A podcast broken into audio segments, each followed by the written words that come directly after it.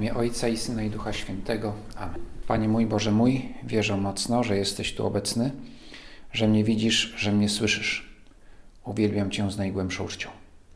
Proszę Ciebie o przebaczenie moich grzechów i o łaskę owocnego przeżycia tego czasu modlitwy. Matko moja niepokalana, święty Józefie, Ojcze i Panie mój, Aniele stróżu mój, wstawcie się za mną. Święta, święta i po świętach to powiedzenie chyba odnoszące się właśnie do Bożego Narodzenia, wyrażające nasze, nasz niedosyt, że chciałoby się może, żeby to trwało trochę dłużej. Ten okres świąteczny w Polsce i tak go przedłużamy. Y, dekoracje co najmniej świąteczne trwają, trwają do 2, do 2 lutego. Jest zwyczaj, śpiewamy kolendy też do 2 lutego, no bo jest ich tyle, że szkoda byłoby w tak krótkim, za mało czasu, żeby się naśpiewać. Y, ten, może by zasugerować powrót, bo to w starej liturgii, czyli w tej tak zwanej formie nadzwyczajnej rytu rzymskiego, gdzieś tak się to nazywa, no to ten okres Bożego Narodzenia jest trochę dłuższy, bo to jest jeszcze przez kilka tygodni po po objawieniu pańskim, więc jakoś się jeszcze trwa ta atmosfera bożonarodzeniowa. Może kiedyś może wierni tutaj będzie taki jakiś ruch ludowy, żeby poprosić papieża, żeby wydłużył ten, ten, ten, ten okres. Tak jak na przykład rząd wydłużył okres, jak to się nazywa, wzmożonej odpowiedzialności i czegoś tam jeszcze, ku naszej na pewno radości, że, że możemy dłużej być odpowiedzialni za wszystko. Y, I, ale to oczywiście mówię ironicznie, bo y, znaczy nie ironicznie o rządzie, tylko o tym naszym pragnieniu, żeby wydłużyć okres Bożego Narodzenia, ponieważ ten okres, który się zaczął, w liturgii się nazywa okres zwykły i to jest bardzo fajny okres w, liturgii, jak każdy inny. E, jak cała nasza liturgia, jak cały rok, rok kościelny. Ale nazwa, ta nazwa jest tak dobrze wybrana, dobrze wymyślona. Wprowadził ją Sobór Watykański II. Mianowicie, że właśnie jest to okres, w którym nie rozważamy ani nie przygotowujemy się do, do przeżywania jakiejś konkretnej tajemnicy życia Pana Jezusa, ale po prostu patrzymy na Niego i chcemy, aby On wszedł w nasze codzienne życie. I w tym okresie zwyczajnym, to jest trzydzieści kilka tygodni w sumie, do Wielkiego Postu i potem po, po okresie wielkanocnym znowu aż do Adwentu. Otóż przez tych trzydzieści parę tygodni w, w Ewangeliach mszalnych czytane jest, co dość logiczne, o te, te fragmenty, a więc większość Ewangelii, które dotyczą działalności publicznej Pana Jezusa. E, ta działalność publiczna, która przecież była Jego zwyczajnym życiem przez kilka lat. Oczywiście w czasie Bożego Narodzenia spojrzeliśmy i przypomnieliśmy sobie i przeżyliśmy na nowo ten to czas tak zwanego życia ukrytego, znaczy przed wystąpieniem publicznym. Pana Jezus, Pan Jezus, który żyje w Nazarecie jako, jako pracując jako cieśla, jako, jako prawdopodobnie też jako rolnik, e, pomagający swojemu przybranemu ojcu, opiekujący się swoją matką, żyjący wśród ludzi. Dobrze, o tym wszystkim Ewangelii nie mówią, ale tak było, to wiemy. Ale przecież ta działalność publiczna to też był czas, który obfitujący w bardzo wiele niezwykłych wydarzeń, ale ostatecznie było to wiele lat, no wiele, dwa lub trzy, no ale wystarczająco długo, żeby można powiedzieć, że czytamy o codzienności Pana Jezusa przez te właśnie dwa czy trzy lata Jego życia. W najbliższą niedzielę, która będzie właśnie pierwszą niedzielą okresu zwykłego, czytamy Ewangelię o powołaniu pierwszych uczniów. Piotra, Andrzeja, Jana i Jakuba. Przepraszam, Jakuba tam jeszcze nie ma. Jest Jan, Piotr i Andrzej. Powołanie, albo raczej początek drogi powołania, bo to jest tak naprawdę zaczyna się rozeznawanie. W przypadku Piotra może to jest trochę mocniejsze, przypadku jakby to, to wskazanie, że ty będziesz, że Pan Jezus ma jakieś oczekiwanie szczególne wobec, wobec Piotra, wtedy jeszcze Szymona, który właśnie otrzymuje imię Piotr, e, to jeszcze Pan Jezus to wezwanie jeszcze parę razy powtórzy. Szanując wolność tych, których wybiera, chce, żeby to było świadoma decyzja, że za nim idą. No, ale to jest to pierwsze spotkanie, niezwykle ważne spotkanie. Nazajutrz Jan, Jan Chrzciciel, znowu stał w tym samym miejscu wraz z dwoma swoimi uczniami. Dla ułatwienia jeden też się nazywał Jan i co więcej, on się nie zdradza swojej tożsamości, dopiero na sam koniec Ewangelii o tym mówi, że to właśnie on jest tym uczniem. A drugi to był Andrzej. I gdy zobaczył przechodzącego Jezusa, rzekł: Oto baranek Boży. Dwaj uczniowie usłyszeli, jak mówił, i poszli za Jezusem. Jezus zaś, odwróciwszy się i ujrzawszy, że oni idą za nim, rzekł do nich: Czego szukacie? Oni powiedzieli do niego: Rabbi, to znaczy nauczycielu, gdzie mieszkasz? Odpowiedział im: Chodźcie, a zobaczycie. Poszli więc i zobaczyli, gdzie mieszka, i tego dnia pozostali u niego. Było to około godziny dziesiątej. Jednym z dwóch, którzy to usłyszeli od Jana i poszli za nim, był Andrzej, brat Szymona Piotra. Ten spotkał najpierw swego brata i rzekł do niego: Znaleźliśmy Mesjasza, to znaczy Chrystusa, i przyprowadził go do Jezusa. A Jezus, wejrzawszy na niego, powiedział: Ty jesteś Szymon, syn Jana. Ty będziesz nazywał się Kefas, to znaczy Piotr. Początek wielkiej przygody. Relacja świętego Jana, Jana Ewangelisty jest, wydaje się, taka dość powściągliwa. To trochę wygląda tak, jakby Jan opowiadał przy niedzielnym obiedzie, opowiada swoim, swojej rodzinie, czy też znajomym, co tam się wydarzyło ciekawego. A wiecie, tak, tam raz staliśmy z chrzcicielem i on mówi, a idźcie za nim. I poszliśmy. No i tak, to około dziesiątej to było, tak, i poszliśmy i tam pogadaliśmy sobie wieczorem. Tak, to ta powściągliwość tego opisu, szczególnie, że Jan jest, że ma takie fragmenty, które są naprawdę potężne. No, prolog jest, na początku było słowo, słowo u Boga, a to jest taka relacja jakby dość powściągliwa. Ale wystarczy wejść trochę głębiej, żeby zobaczyć, że Jan ze wzruszeniem opowiada o najważniejszych chwilach swojego życia. Jan Ewangelista. Po 50 latach, bo mniej więcej 50 lat po wydarzeniach powstała Ewangelia, ta konkretna Ewangelia, naj, najpóźniej ze wszystkich. Po 50 latach pamięta, która była godzina. W, e, w Ewangelii używane są dwa sposoby mierzenia czasu. E, tam jest godzina trzecia, szósta e, i to, no, nie wchodząc w szczegóły, w tym przypadku godzina dziesiąta oznaczała mniej więcej naszą godzinę między trzecią a czwartą, czyli takie wczesne popołudnie. Po latach pewnie Jan połączył te dwa fakty, że o tej godzinie został powołany i o tej godzinie Pan Jezus dokonał dzieła odkupienia i pojął pod krzyżem, bo tam był obecny, jako jedyny zresztą spośród uczniów, pewnie pojął, że co znaczy to tajemniczy baranek Boży. Przecież ta słowa, bo dla nas baranek Boży to jest oczywiste, że chodzi o Pana Jezusa. Nie, ale wczujmy się w Jana e, i Andrzeja.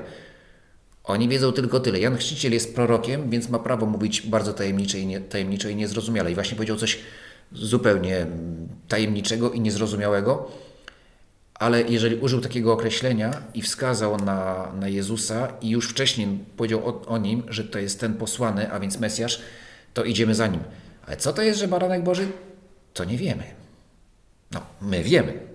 Jan na krzyżu, czy może już w czasie ostatniej wieczerzy, pojął, co to jest, co to znaczy, do czego się odnosi baranek Boży.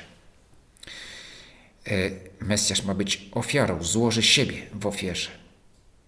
No ale kiedy Jan Chrzciciel to mówi, to po prostu brzmi bardzo tajemniczo, więc ten dzień powiedział, to nieźle się zaczyna.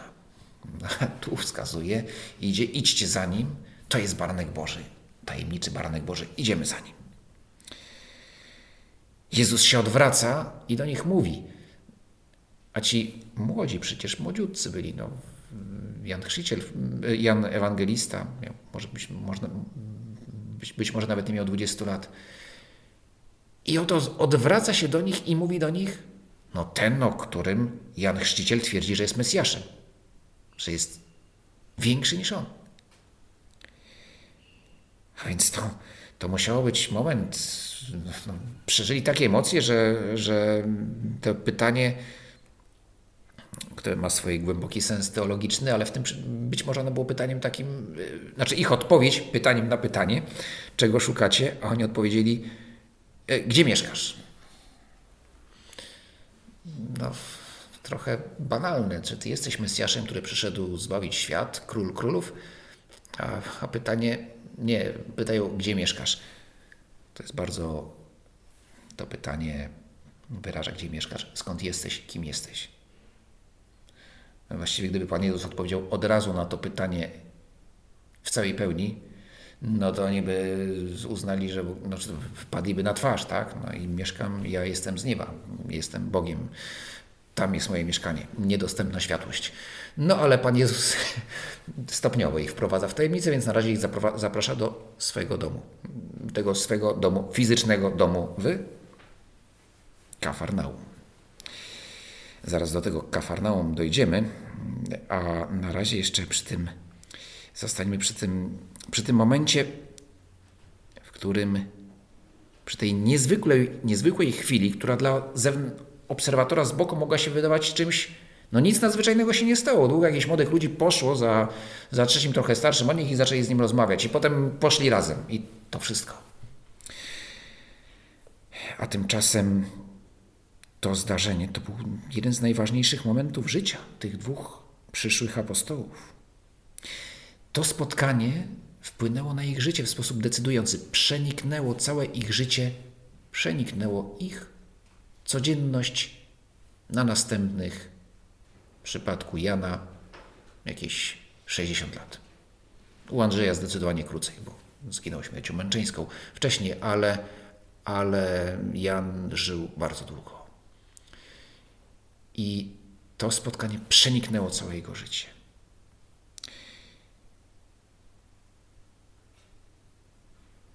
Zwykła obecność Jezusa, zwyczajna, ciągła. To spotkanie właśnie jest niezwykłe i zwykłe zarazem. Znaczy, jakby chciał Pan Jezus powiedział, powiedzieć, tak, jestem Mesjaszem i wchodzę w Twoje życie, codzienne życie.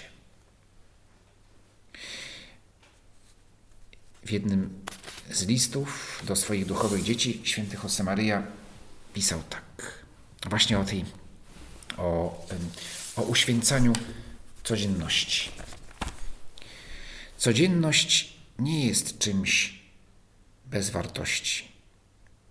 To brak miłości powoduje, że robienie wciąż tego samego może się wydawać nijakie, płaskie, bez uroku pokusa powrotu do codzienności po świętach, po jakimś okresie wakacji, czy, czy, czy innych nadzwyczajnych zdarzeniach. Pokusa, nie pokusa powrotu, bo właśnie cieszymy się, że wracam, ale pokusa myślenia, że to jest jakiś, że wracam do jakiegoś kieratu, do szarzyzny wracam. A tymczasem nie. Po to były święta, miał, aby dać mi okazję do do pogłębienia mojej więzi z Panem Jezusem i wejść w co, i wrócić do, do, do mojego codziennego życia, albo robić to, co robiłem, ale z większą miłością. To brak miłości powoduje, że robienie wciąż tego samego może się wydawać nijakie, płaskie, bez uroku. Kiedy natomiast kochamy, każdy nowy dzień ma inną barwę, inny ton, inną harmonię. Róbcie wszystko z miłości. Nie ustawajmy w miłowaniu naszego Boga. Potrzebujemy wykorzystywać wszystkie sekundy naszego prostego życia, żeby służyć wszystkim stworzeniom z miłości do naszego Pana. Dlatego, że nasz czas na ziemi jest zawsze zbyt krótki, żeby miłować. Jest jak wiatr, który szybko przemija.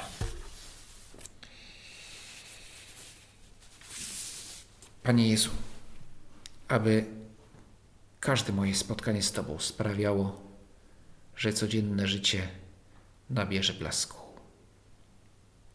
Również gdy jest monotonne. Może nawet ucieszy się właśnie z tego, że jest monotonne.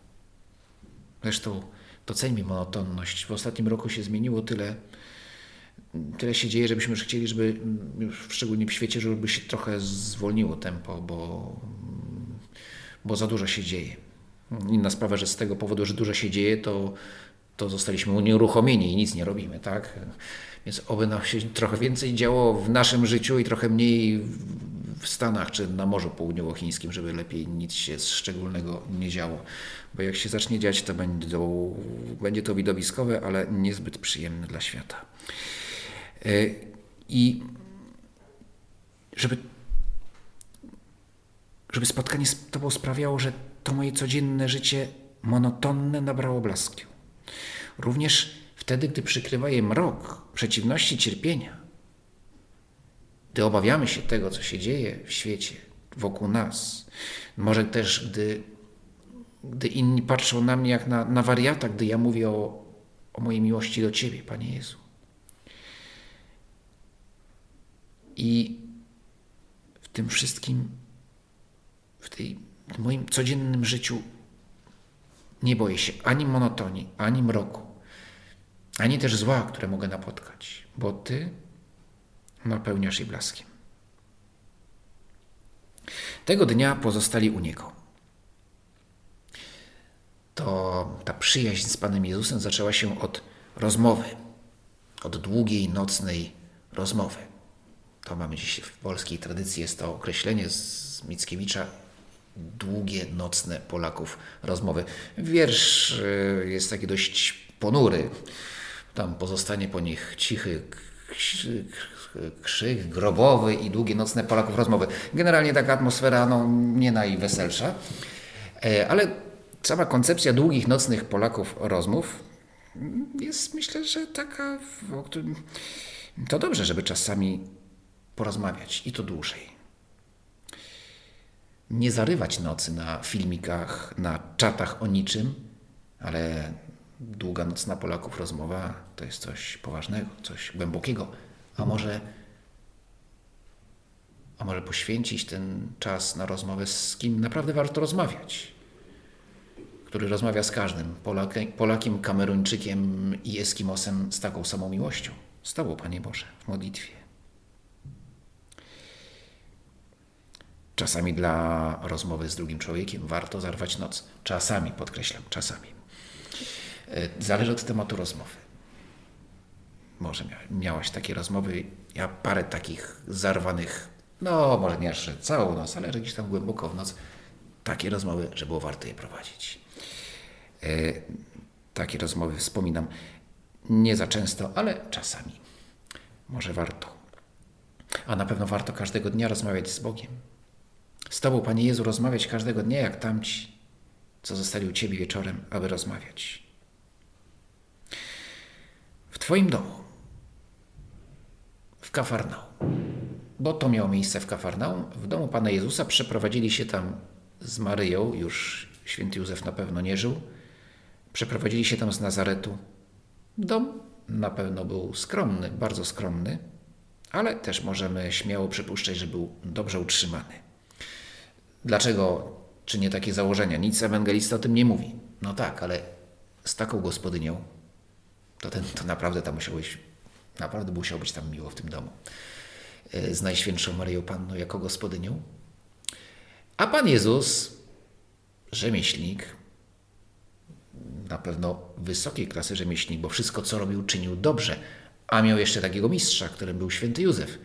Więc tam na pewno żadnego dziadostwa, krzywych progów, to nie było jak go budował czy remontował, nie było, że tutaj się chlapnie gipsem czy wapnem i się przybije klinem klin już futryna jakoś się trzyma. E, nie, ten dom na pewno był porządny też, jeśli chodzi o tą stronę. Właśnie, że tam wszystko było zadbane, naprawione, wszystko się trzymało, ściany były równe. E, a jeśli nawet Pan Jezus go przejął po kimś innym i tam zastał dziadostwo, to to dziadostwo na pewno szybko poprawił. Więc na pewno był to dom skromny, ale, ale ładny. którym się chciało być. Ten dom jest daleką zapowiedzią Kościoła. To znaczy miejsca, w którym spotkamy Pana Jezusa. No i ktoś powie, a szczególnie może ktoś, czy my, będąc w kościele, gorzko możemy powiedzieć, no, ten dom taki schludny i czysty jak dom Pana Jezusa w Kafarnaum, to chyba nie jest. Nie jest. Rzeczywiście nie jest, bo być nie może, bo, bo Pan Jezus powierzył Kościół nam, ludziom i wiedząc, że, że nie zawsze będziemy odpowiedzialnie ten dom traktować, a mimo to nam go powierzył. E, I że ludzkie nędze w tym domu widać. Tacy jesteśmy. To oczywiście nie chodzi o to, żeby się godzić z tymi nędzami. Z grzechem w szczególności się godzić nie możemy, ale, ale, ale tak dostrzegamy słabości, ludzkie słabości w tym Twoim domu, Panie Jezu. A jednak to jest Twój dom. Kościół jest domem, w którym spotkamy Pana Jezusa. Jest Jego domem i naszym domem. I oczywiście to nas mobilizuje, żeby robić wszystko, aby ten dom był czysty i piękny.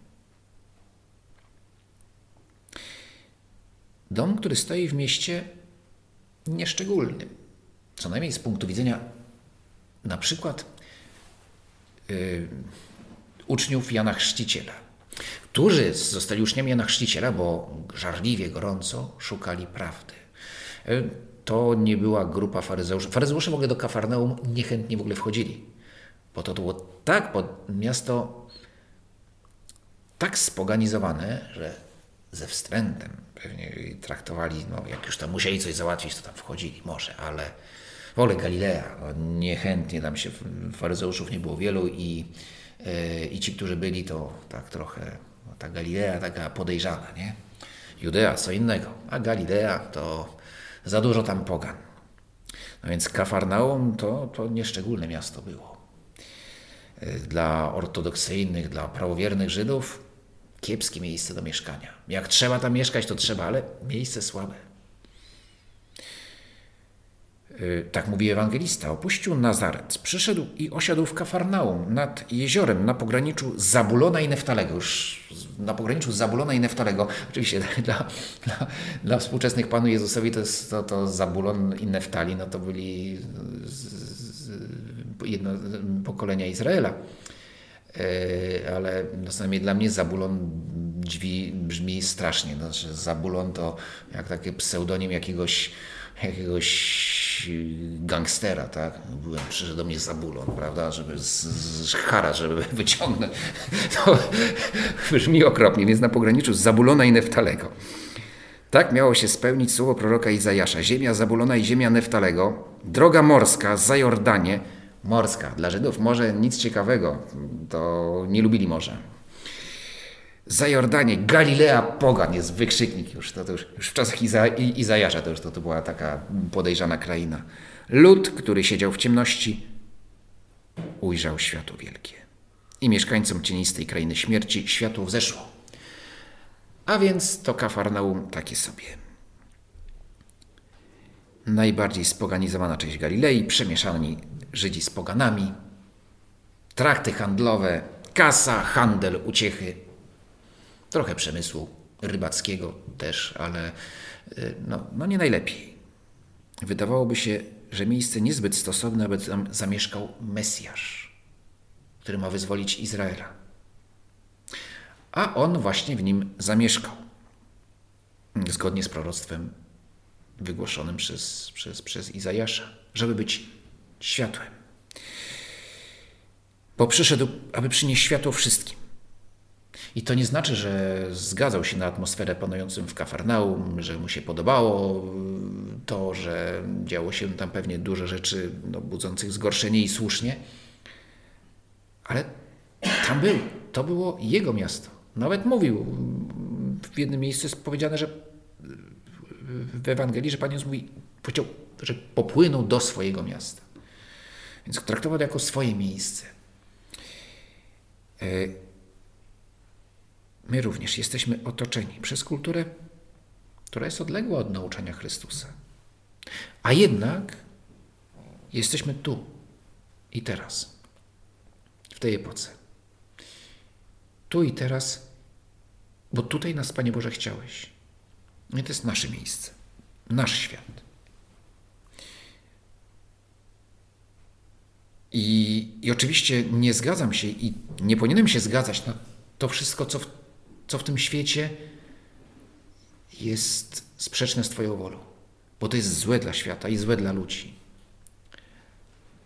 Ale cały czas jest to mój świat, bo Ty mnie, Panie Boże, w tym świecie umieściłeś, w tej kulturze, yy, która teraz przeżywa kolejny kryzys i, i, i gwałtowne zmiany. W tej cywilizacji jesteśmy tutaj, w tym kraju, w tym narodzie. Pomóż nam, Panie Jezu, uczynić Twój dom atrakcyjnym, abyśmy mogli do niego zapraszać tych wszystkich z Galilei Pogan, którzy może patrzą z nieufnością na ten dom, bo widzą brudne ściany gdzieś na zewnątrz i popękane i różne jakieś, widzą co złe, a nie wiedzą, że kiedy wejdą do tego domu, to mimo wszystko spotkają Ciebie. I, I pomóż nam, Panie Jezu, abyśmy uczynili ten dom jak najbardziej atrakcyjnym, aby nikt się nie bał do niego wejść, aby go nie omijał z daleka. Pomóż też, żebyśmy się nie przerażali atmosferą, która jest wokół nas. Ale też pomóż, żebyśmy, abyśmy jej nie ulegali, ani jedno, ani drugie. Trudna sprawa. Yy, bo taką mamy naturę, że chcemy się przyłączyć albo potraktować, yy, że być w jakiejś ekipie, tak? albo całkowicie odrzucić, albo się przyłączyć. A tu nie. Chrześcijanin idzie w, przez ten świat, kochając to, co w nim dobre, odrzucając to, co złe, ale nie mając postawy ani całkowitej akceptacji, bo wie przecież, że jest tyle rzeczy nie do zaakceptowania, ale też postawy wrogości. Trudna sprawa. Ale Ty, Panie Jezu, nas prowadzisz. Patrzymy na Ciebie. Patrzymy na Ciebie teraz konkretnie w Kafarnaum, jak tam mieszkałeś i jak w Twoim domu w Kafarnaum zaczyna się ten Kościół, który będzie trwać na wieki. Dzięki Ci składam, Boże mój, za te dobre postanowienia, uczucia i natchnienia, którymi mnie obdarzyłeś podczas tych rozważań. Proszę Cię o pomoc w ich urzeczywistnieniu. Matko moja niepokalana, święty Józefie Ojcze i Panie mój, Aniele Stróż mój, wstawcie się za